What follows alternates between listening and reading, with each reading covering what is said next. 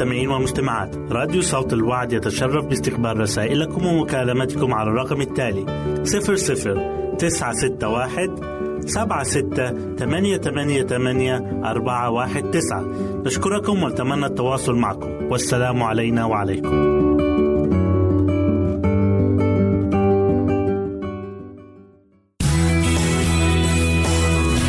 يمكنك استماع وتحميل برامجنا من موقعنا على الإنترنت. www.awr.org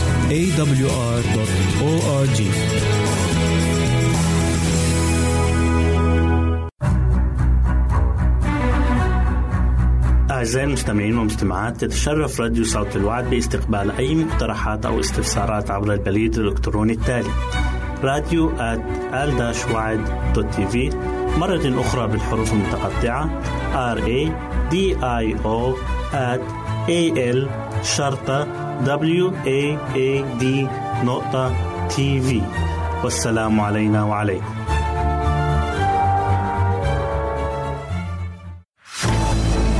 أعزائي المستمعين والمستمعات راديو صوت الوعد لا يكتفي بخدمتكم عبر الموجات الصوتية فقط بل وإنه يطرح لكم موقعا إلكترونيا يمكنكم من خلاله مشاهدة أجمل البرامج الدينية الثقافية الاجتماعية وغيرها من المواضيع الشيقة. يمكنكم زيارة الموقع من خلال العنوان التالي www.al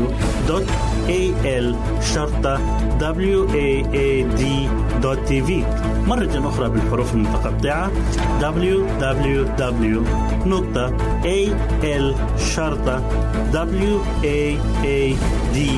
waad.tv والسلام علينا وعليكم.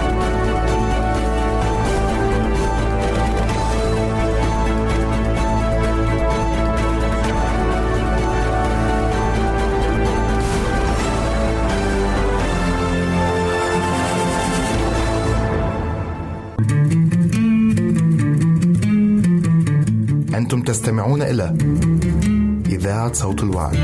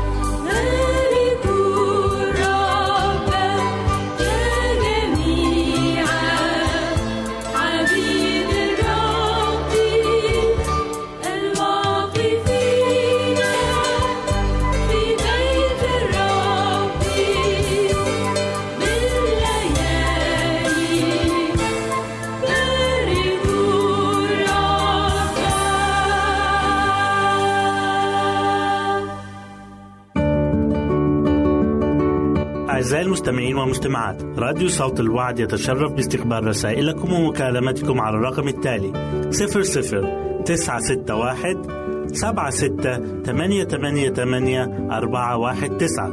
نشكركم ونتمنى التواصل معكم. والسلام علينا وعليكم.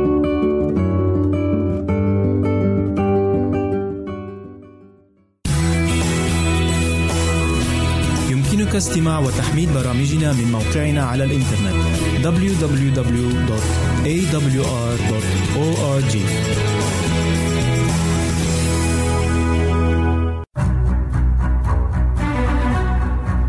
أعزائي المستمعين والمستمعات تتشرف راديو صوت الوعد باستقبال أي مقترحات أو استفسارات عبر البريد الإلكتروني التالي راديو في مرة أخرى بالحروف المتقطعة. R A D I O at A L شرطة W A A D نقطة تي في والسلام علينا وعليكم. متحررون من لعنة الخطية. وأما الآن إذ أعتقتم من الخطية وصرتم عبيدا لله فلكم ثمركم للقداسة والنهاية حياة أبدية. رمية ستة آية 22 يريد الرب أن يكون لشعبه إيمانا حي وألا يكونوا جاهلين في أمور الخلاص العظيم الذي تم تزويدهم به. ينبغي ألا ينظروا إلى الأمام معتقدين أنه في يوم مستقبلي سيعمل من أجلهم عملا عظيما لأن العمل قد تم الآن. المؤمن غير مدعو ليصنع سلامه مع الله أنه لن يستطيع أن يفعل ذلك ابدا. ينبغي له أن يقبل المسيح بوصفه سلامه. لأنه في المسيح يحظى بالسلام مع الله.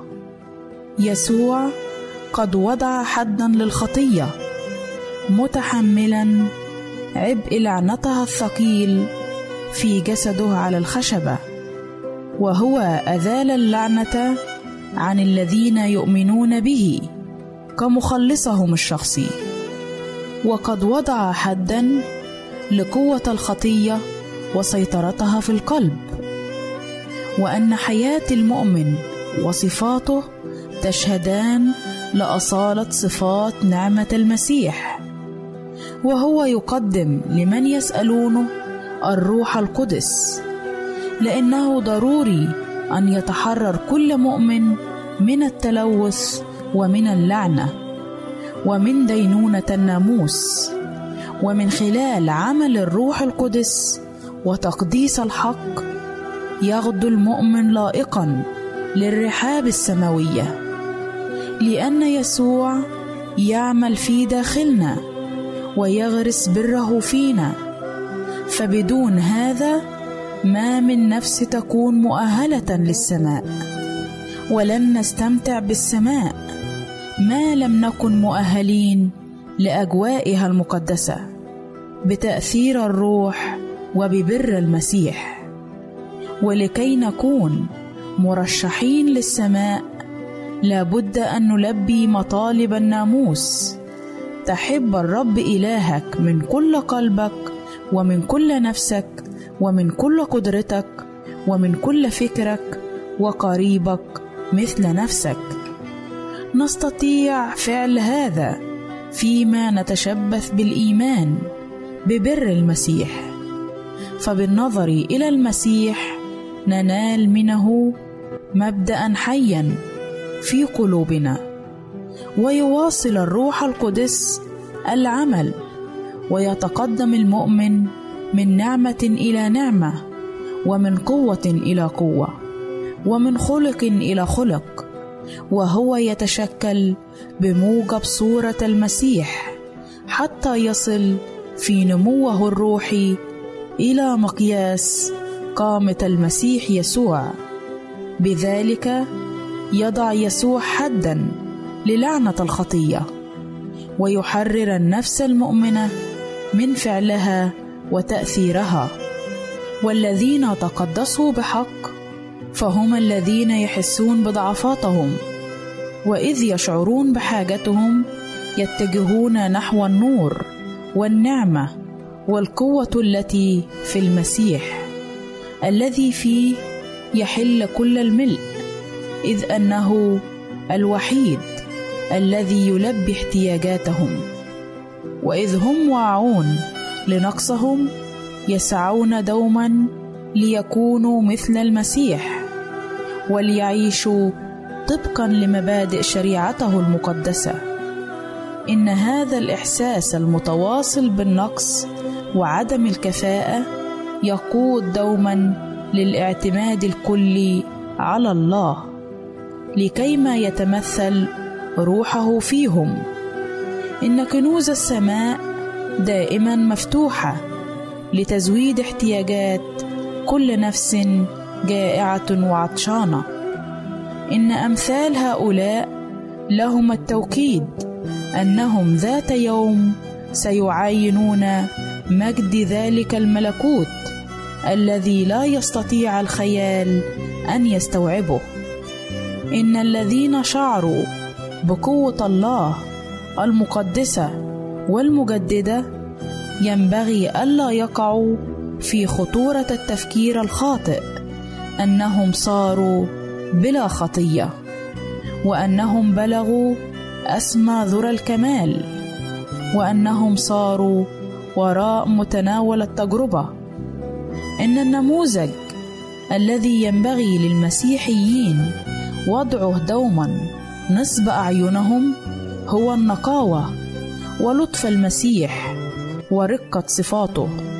وفي كل يوم ينبغي أن تحوز النفس على جمال جديد وتعكس باستمرار صورة يسوع الإلهية. آمين.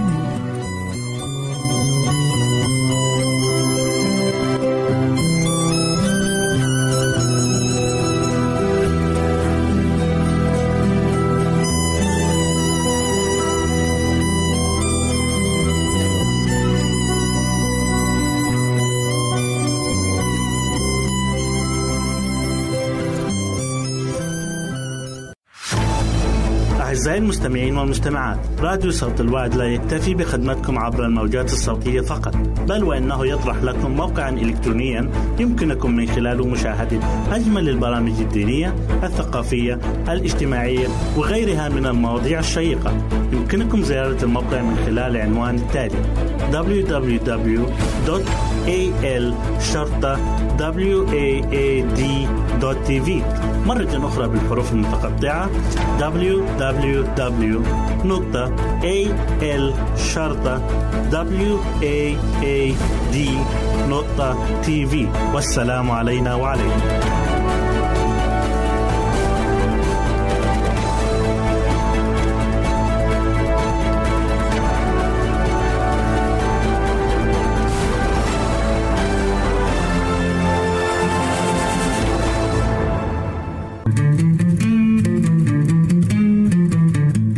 تستمعون إلى إذاعة صوت الوعد.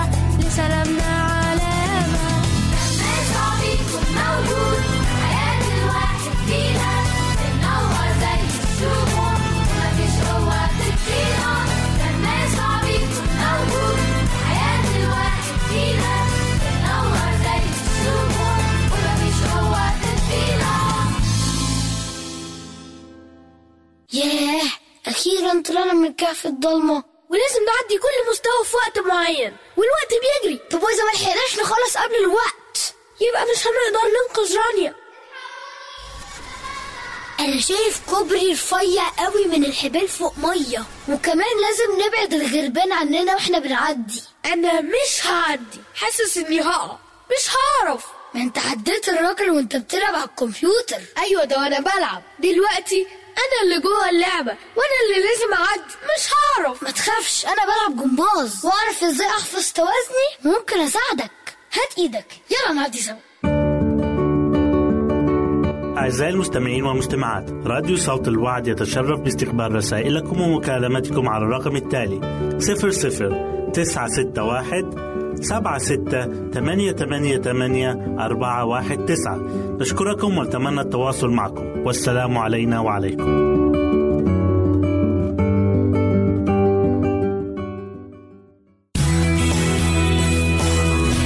يمكنك استماع وتحميل برامجنا من موقعنا على الإنترنت www.awr.org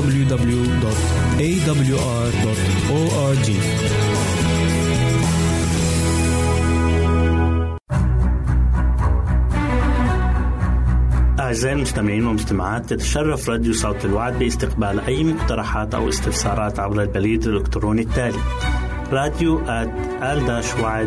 تي في مرة أخرى بالحروف المتقطعة R A D I O A L شرطة W A A D نقطة تي في والسلام علينا وعليكم.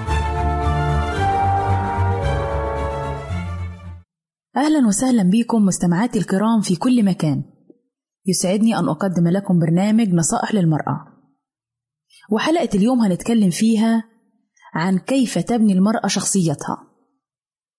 مش بس الراجل هو المطالب بامتلاك شخصية قوية لكن المرأة برضو لازم يكون عندها ذات الشخصية القوية. لأنها بكده هتثبت حضورها في مجتمعها الكبير وعالمها الصغير. الشخصية القوية للمرأة هتساعدها على مواجهة العقبات اللي بتعترضها على الصعيدين الشخصي والاجتماعي. وفي الغالب بيميل بعض الرجال للأنثى اللي بتتمتع بشخصية قوية وبيكون ليها حضور مميز. بيفضل الرجل الارتباط بيها. عشان كده في الأول لازم المرأة تحب ذاتها وتعمل على تطوير نفسها. وتحسن من جودة حياتها عشان تبني كيان يمثلها. بتكمن مواطن القوة في شخصية المرأة بحسب حلها للمشاكل والتصدي للأزمات بحلول إبداعية. كمان بتكون شوية في شخصيتها متمردة على العادات وعلى التقاليد في حدود حفظ حيائها وعدم تجاوز الخطوط الحمراء. ومن خلال اعتمادها على ذاتها والاتصاف بالحكمة والعقلانية بتحتفظ لنفسها ببعض الخصوصية وبتحافظ على كرامتها بإنها ما تديش الفرصة للرجل إنه يقلل من شأنها ويدمر معنوياتها. والنساء مش كلهم زي بعض. فيه المرأة الحالمة والشاعرة واللي بتعيش في حقل الشباب والنضارة على طول. وفيه المرأة الذكية المتحدثة وهي اللي بتتميز باللباقة وسرعة البديهة والتركيز. أما المرأة الضعيفة هي اللي بتستمتع بضعفها وما عندهاش أي مانع من إنها تكون تابعة للرجل. بتبقى مستعدة إنها تعيش في ظله طول الوقت. لكن المرأة العملية بتركز على تحقيق الأهداف والطموحات. كمان فيه المرأة العصبية اللي بتنفعل عند أي موقف وبتتعامل باستفزاز مع كل اللي بيأذيها. أما المرأة الحليمة هي اللي بتمتلك الحكمة والاتزان. عشان كده بتعتبر الثقة بالنفس أحد الأركان الأساسية لبناء الشخصية القوية. بتحتاج زيادة الثقة بالنفس لبعض الخطوات عشان نوصل ليها. أول حاجة تحمل المسؤولية الذاتية وإنها تقوم بأمور جديدة في الحياة بشكل فردي من غير ما تعتمد على الصدف أو على أي شخص تاني. زي إصلاح الأدوات الخروج للعشاء من غير ما يكون في رفيق معاها الدراسة أو التدريب في منطقة غير مألوفة وأمور زي كده كتير. كمان تقدر تنظم خطة عشان تحقق هدف معين في جدول زمني معين وبتجتهد في عملها عشان تنفذ الإجراءات ديت خطوة بخطوة من غير ما تدي أعذار. بيكون عندها قدرة إنها تواجه التحديات وتقدر تقبل النتيجة بغض النظر عن إيجابياتها وسلبياتها كمان بتحب تقتدي بأفراد بيكونوا واثقين من نفسهم وممكن تطلب مساعدتهم إزاي تزود ثقتها بنفسها. كمان واجب على المرأة إنها تتحلى بالجمال الداخلي لأن الجمال الداخلي للفتاة قيمته كبيرة جدا ومهمة. فزي ما بتهتم بمظهرها وبصورتها قدام الناس بتدي نفس الاهتمام للداخل. لأن الداخل هو اللي بيعكس شخصيتها وتصرفاتها مع الناس. التصرفات هي اللي بتبين إذا كان الإنسان متغاطرس أو مسيطر أو فيه أي صفة من الصفات دي. ولو بصينا على الوقت الزمني المطلوب عشان نحسن الجمال الداخلي ممكن يحتاج لشهور. لكن مهم إننا نهتم بيه. لأنه بيظهر الشخصية بشكل متكامل أكتر. مفيش مشكلة إننا نغلط. المهم إننا نتعلم ونحترم الآخرين ونحاول نتخطى كل الأخطاء ديت. كمان الاختلاط الاجتماعي في حدود معينة أحد الوسائل الفعالة في بناء الشخصية القوية لأن الاختلاط الاجتماعي بيطور القدرات الفردية. وبيساعدك إنك تكوني عندك معرفة وإزاي تتعاملي مع الناس وتتفاعلي معهم. بيطور كمان المهارات القيادية وهي كلها في النهاية بتشتمل على التعامل مع الناس. عزيزتي المرأة لازم تكوني عندك ثقة في نفسك تؤمني بذاتك ما تتردديش قدام شريك حياتك في اتخاذ أي قرار أنت عايزاه. خليكي متأكدة وواثقة من نفسك إنك تقدري تنمي شخصيتك وتطوريها. لأنك بكده هتنالي ثقة حبيبك وتقديره ليكي. كمان جمال مظهرك وأناقتك وترتيبك لنفسك وطريقة كلامك ورقتك وأنوثتك هتخليكي امرأة قوية تقدري تقنعي جوزك بآرائك المنطقية.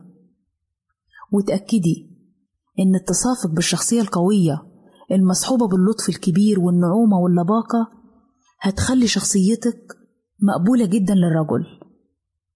أكيد الرجل بيكره المرأة المتسلطة لكن يحب المرأة القوية بطريقة لبقة. علشان كده من المهم إن المرأة تكون لها شخصية قوية ولبقة بإنها تسمع وتصمت أثناء حديث زوجها. ما ترفعش صوتها فوق صوته. ولما تتكلم تدي رأيها بطريقة لطيفة ومقبولة. وبكده أعزائي نكون وصلنا لنهاية برنامجنا نصائح للمرأة. في انتظار أسئلتكم وتعليقاتكم ورسائلكم وإلى لقاء آخر على أمل أن نلتقي بكم. تقبلوا مني ومن أسرة البرنامج أرق وأطيب تحية. وسلام الله معكم.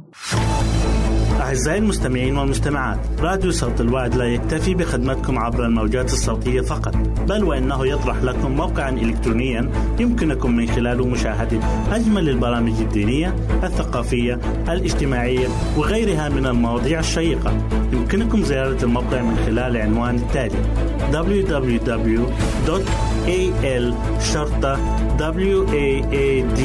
www.al-waad.tv مرة أخرى بالحروف المتقطعة www.al-waad.tv والسلام علينا وعليكم.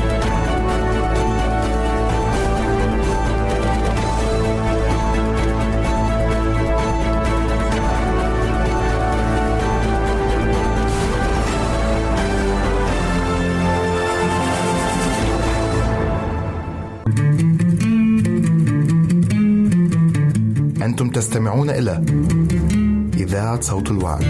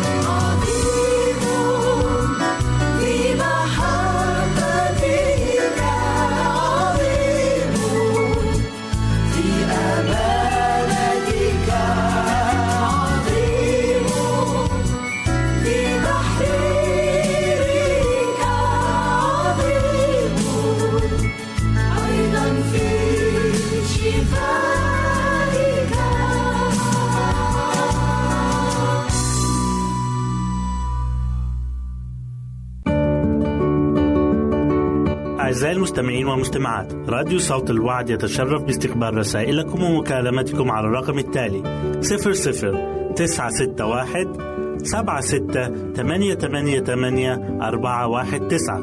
نشكركم ونتمنى التواصل معكم. والسلام علينا وعليكم.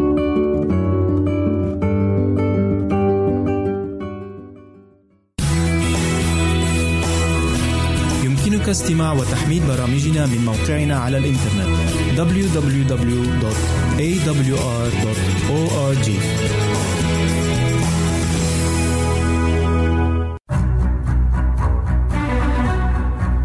أعزائي المستمعين والمستمعات تتشرف راديو صوت الوعد باستقبال أي مقترحات أو استفسارات عبر البريد الإلكتروني التالي راديو تي في مرة أخرى بالحروف المتقطعة R A D I O at A L شرطة W A A D نقطة تي في والسلام علينا وعليكم أهلا بكم أعزائي المستمعين في لقاء جديد من برنامج عمق محبة الله. حلقة اليوم تحمل عنوان النجار يعلم المعلم. كان نيقوديموس رجلا معروفا وكان موضع ثقة الأمة اليهودية وكان عضوا مكرما في مجلس الأمة. فابقوا معنا. كان نيقوديموس رجل علم واختبار وكان قد تأثر كثيرا بتعاليم السيد المسيح وقد استطاع الناصري أن يجتذبه إلى جانبه وكان يشتاق أن يستمع إلى المزيد من الحقائق التي كان يقدمها يسوع لقد كانت السلطات ترغب في إيقاف هذا المعلم الناصري بأي ثمن إلا أن نيقوديموس حذر الشعب وطلب منهم الاعتدال في اتخاذ القرارات ومنذ أن سمع نيقوديموس بدأ بكل شوق واجتهاد في طلب يسوع وقد رأى بأم عينيه شفاء المرضى. كان نيقوديموس يرى بعينيه ويفكر بعقله وكان قد رأى يسوع يقلب موائد الصيارفة وسمعه يقول بيتي بيت الصلاة يدعى وأنتم جعلتموه مغارة لصوص. لم يكن نيقوديموس رجلا سطحيا بل كان رجل علم وفكر.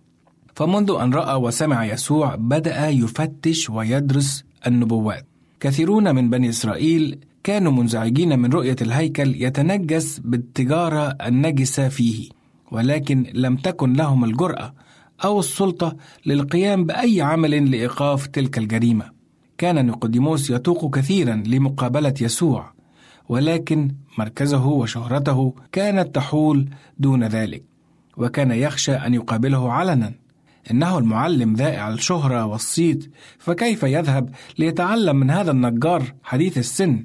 لقد رأى المخلص وهو يقبل المساكين ويشفي المرضى ورأى الفرح مرتسما على وجوههم ورآهم وهم يسبحون فلم يكن عنده أي شك ولما سأل نيقوديموس عن مكان وجود هذا المعلم انتظر حتى هجع الليل ونام أهل المدينة حتى ذهب يطلبه وإذ وقف نيقوديموس أمام المسيح بدأ يحس ويشعر بالخجل فصار العرق يتصبب من جبينه وبدأ يحتار كيف سيبدأ كلامه. نيقوديموس المتكلم والمعلم يقف حائرا أمام ملك المجد وماذا عساه أن يقول؟ وكيف سيبدأ؟ خاف نيقوديموس على منصبه ومركزه فقرر الذهاب سرا وليلا. انتظر نيقوديموس حتى نام الجميع. وذهب سرا حتى لا يراه أحد. وماذا عنكم أعزائي المستمعين؟ هل تخشى عزيزي أن يراك أحد مع أتباع المسيح فتذهب سرا إلى الكنيسة؟ هل نسيت الآية التي تقول من ينكرني قدام الناس سوف أنكره قدام أبي الذي في السماوات وإذ مثل نيقوديموس أمام المسيح بدأ يحس بخجل غريب كما نقرأ الآيات الموجودة في إنجيل يوحنا أصحاح 3 وعدد 2 تقول الآيات هذا جاء إلى يسوع ليلا وقال له يا معلم نعلم أنك قد أتيت من الله معلما لأن ليس أحد يقدر أن يعمل هذه الآيات التي أنت تعمل إن لم يكن الله معه. أراد أن يحظى بثقة المسيح ولم يكن كلامه هذا تعبيرا عن نوع من المجاملة الأرضية. ولكن المسيح كان يقرأ أفكاره ورأى يسوع أمامه رجلا يطلب الحق وعرف غرضه من تلك الزيارة. فأجابه يسوع كما نقرأ في إنجيل يوحنا اصح ثلاثة وعدد ثلاثة الحق الحق أقول لك إن كان أحد لا يولد من فوق لا يقدر أن يرى ملكوت السماوات. وبكل صراحة قال له يسوع إنك بحاجة إلى التجديد الروحي إنك تحتاج إلى قلب جديد لتقبل حياة جديدة. كان نيقوديموس قد سمع رسالة يوحنا المعمدان وعلم أنه ليس بحاجة إلى التجديد فحسب بل إنما إلى قلب جديد أيضا. اندهش نيقوديموس عندما سمع يسوع يحدثه عن الولادة الجديدة. ولكن نيقوديموس ولكونه من نسل إسرائيل بالوراثة كان واثقا من أن له مكانا في ملكوت الله. لم يكن يشعر أنه بحاجة إلى أي تغيير ولهذا اندهش من كلام المخلص. ان نيقوديموس المعلم لم ينسى المبدأ الأساسي لكل عالم وهو العالم عالم ما طلب العلم فإذا ظن أنه اكتفى فقد جهل. ولهذا تعلم المعلم من أعظم معلم. نشكركم أعزائي المستمعين لحسن استماعكم إلى برنامج عمق محبة الله. ونلتقي في حلقة جديدة الأسبوع القادم. أعزائي المستمعين والمستمعات راديو صوت الوعد لا يكتفي بخدمتكم عبر الموجات الصوتية فقط بل وإنه يطرح لكم موقعا إلكترونيا يمكنكم من خلاله مشاهدة أجمل البرامج الدينية الثقافية الاجتماعية وغيرها من المواضيع الشيقة. يمكنكم زيارة الموقع من خلال العنوان التالي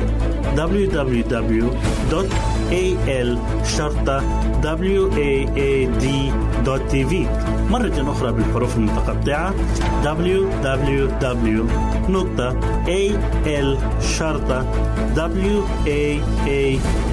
www.al-waad.tv والسلام علينا وعليكم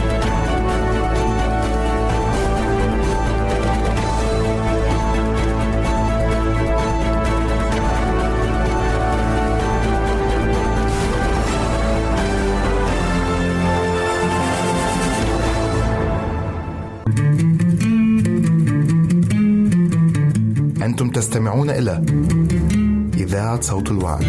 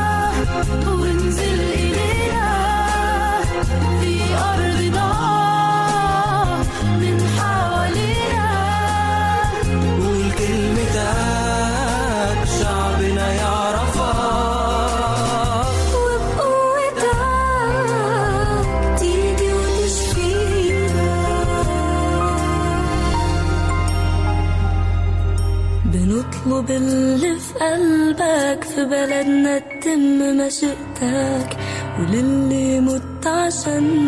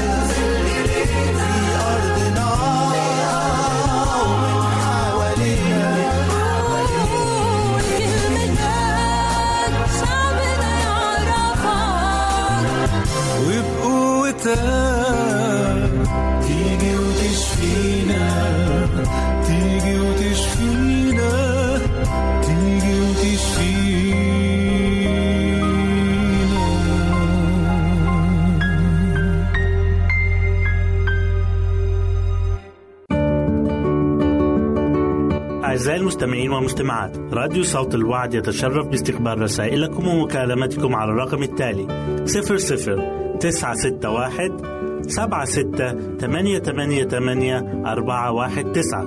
نشكركم ونتمنى التواصل معكم. والسلام علينا وعليكم.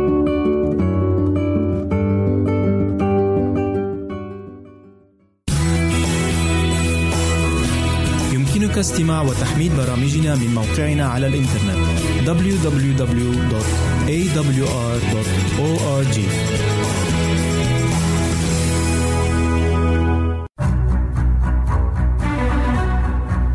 أعزائي المستمعين والمستمعات تتشرف راديو صوت الوعد باستقبال أي مقترحات أو استفسارات عبر البريد الإلكتروني التالي راديو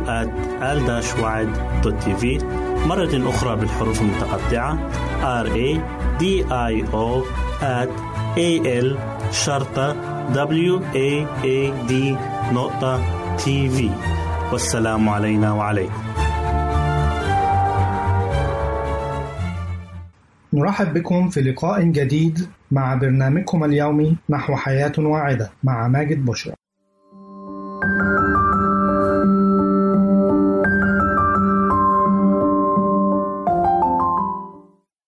بذور الكتان لجسم الإنسان مع الأضرار المترتبة عنه. فوائد بذور الكتان كثيرة جدا نظرا لأنه يحتوي على الكثير من الفوائد المفيدة لجسم الإنسان. الكتان هو عبارة عن نبات ينتمي الكتانيات وهو عبارة عن زهرة لها ساق نحيلة وأوراقها متبادلة خضراء اللون موطنها الأصلي الهند وهو من أقدم المحاصيل في العالم وأكثرها فائدة وهذا ما أدركه إمبراطور روماني أمر بعدها شعبه بتناوله دائما نظرا لفوائده الكبيرة. يدخل الكتان في صناعة الفطائر والشوفان وكذلك يتم استخدامه كطعام غذائي مفيد للدجاج للزيادة من نسبة البيض.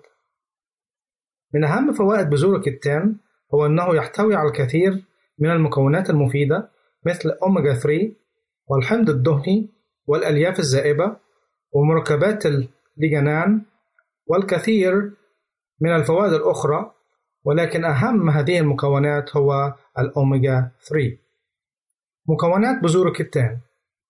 تحتوي بذور الكتان على هذه المكونات ماء بروتين دهون كربوهيدرات ألياف كالسيوم حديد مغنيسيوم فوسفور بوتاسيوم صوديوم زنك ثيامين فولات فيتامين بي 6 فيتامين سي فيتامين كي أحماض دهنية مشبعة أحماض دهنية أحادية غير مشبعة أحماض دهنية متعددة غير مشبعة. فوائد بذور الكتان. بذور الكتان تحتوي على الكثير من المميزات والعناصر الغذائية والمكونات المفيدة للجسم. ومنها أنه يعمل على خفض الكوليسترول السيء في الجسم. يتم تناول بذور الكتان في بعض الأوقات في الوجبات ولكن بشكل عام لا يتم تناولها بمفردها بل مع الماء لتيسير عملية الهضم. يمكن ذلك تناولها مقرمشة ولكن يجب طحنها حتى تستفيد من الفوائد الغذائية الكثيرة الموجودة بها ولا تمر من الجهاز الهضمي دون أن تستفيد منها. تعد بذرة الكتان من أفضل الغذائيات الطبيعية نظرا للكثير من المميزات الكثيرة الموجودة فيها ويعود السبب في ذلك إلى أن بذرة الكتان تحتوي على أحماض أوميجا 3 الدهنية وهذا الحمض له الكثير من المميزات الرائعة وهو موجود أيضا في زيت السمك. يعمل حمض أوميجا 3 الدهني على خفض الكوليسترول السيء من جسم الإنسان. كما أن له قدرة على تحسين بشرة الإنسان وجعلها جميلة وصحية دائما. كذلك من أهم الفوائد في بذور الكتان أنه يساعد جسد الإنسان على التخلص من المواد المسببة للسرطان بكل أنواعه وبالأخص سرطان القولون. وكذلك يقلل من نسبة الالتهابات الخاصة بالأمراض المزمنة وأمراض القلب والتهابات المفاصل. ويعود السبب في ذلك هو أن بذر الكتان غني بمضادات الأكسدة. كذلك يحتوي على نسب عالية من الألياف التي تعمل على ضخ الكوليسترول الصحي في الجسم وخفض نسبة الكوليسترول السيء. والألياف بشكل عام يتم استخدامها في التخفيف من حالات الإمساك وتنظيم عمليات المعدة والحركة بداخلها. والألياف أيضا يتم استخدامها في الحميات الغذائية تتمدد بداخل المعدة وهذا ما يعطي إحساس بالشبع عند تناوله. ولذلك ينصح تناوله قبل موعد الوجبة بفترة تقريبا نصف ساعة وهذا ما سيقلل من شهيتك تجاه الطعام لأن المعدة تقريبا امتلأت. بذور الكتان تحتوي على مواد كيميائية نباتية ومواد أخرى غير مؤكسدة. وهذه المواد تعمل على الحفاظ على البشرة وهذا ما يساعد الجسم على مكافحة الشيخوخة. يتم استخدام بذور الكتان في أفضل الكريمات العالمية التي تكافح الشيخوخة. وهنا يمكنك استبدال هذه الكريمات بمواد طبيعية وأفضلها كذلك بذور الكتان. يعمل بذر الكتان كذلك على تعزيز الخصوبة وتقليل الأعراض الخاصة بسن اليأس عند النساء ويعمل على موازنة الهرمونات الإناثية. أضرار بذور الكتان.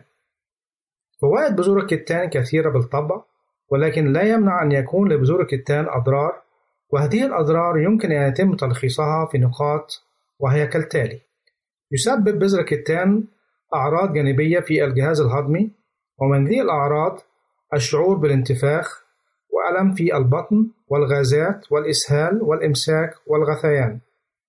يجب تناول بذور الكتان مع كميات كبيرة من الماء حتى لا يسبب انسداد في الأمعاء لأنه يؤثر بشكل كبير على كمية وحجم الإخراج. لا ينصح بتناول بذور الكتان في حالات الحمل والرضاعة لأن به مادة الأستروجين التي قد تضر بالحمل ولكن لا توجد أي دراسات توضح تأثير السلبي على نتيجة الحمل وكذلك على الأطفال الرضع يجب مراقبة السكر في الدم في حالة استخدام بذر الكتان للمصابين بمرض السكري لأنه قد يسبب انخفاض السكر في الدم بشكل كبير.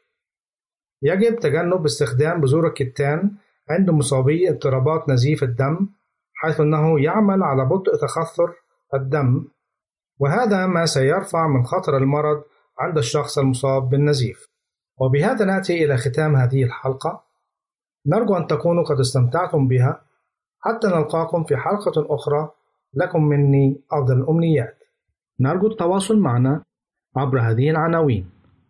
للتشات www.al-waad.tv وللرسائل radio at al-waad.tv والاتصال عبر الواتساب nine six one seven six eight eight eight four one nine. nine six one seven six eight eight eight four one nine.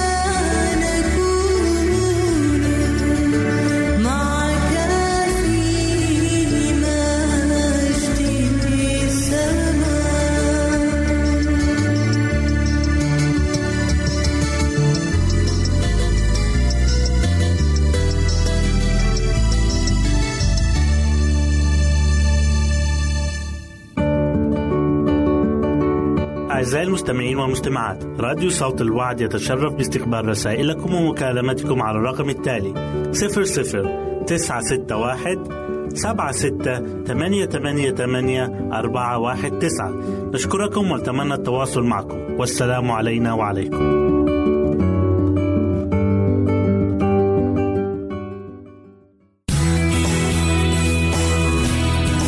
استماع وتحميل برامجنا من موقعنا على الإنترنت www.awr.org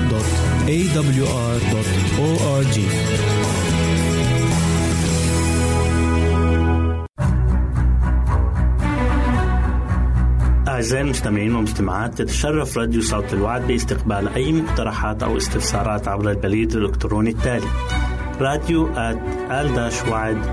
في مرة أخرى بالحروف المتقطعة R A D I O at A L شرطة W A A D نقطة تي في والسلام علينا وعليكم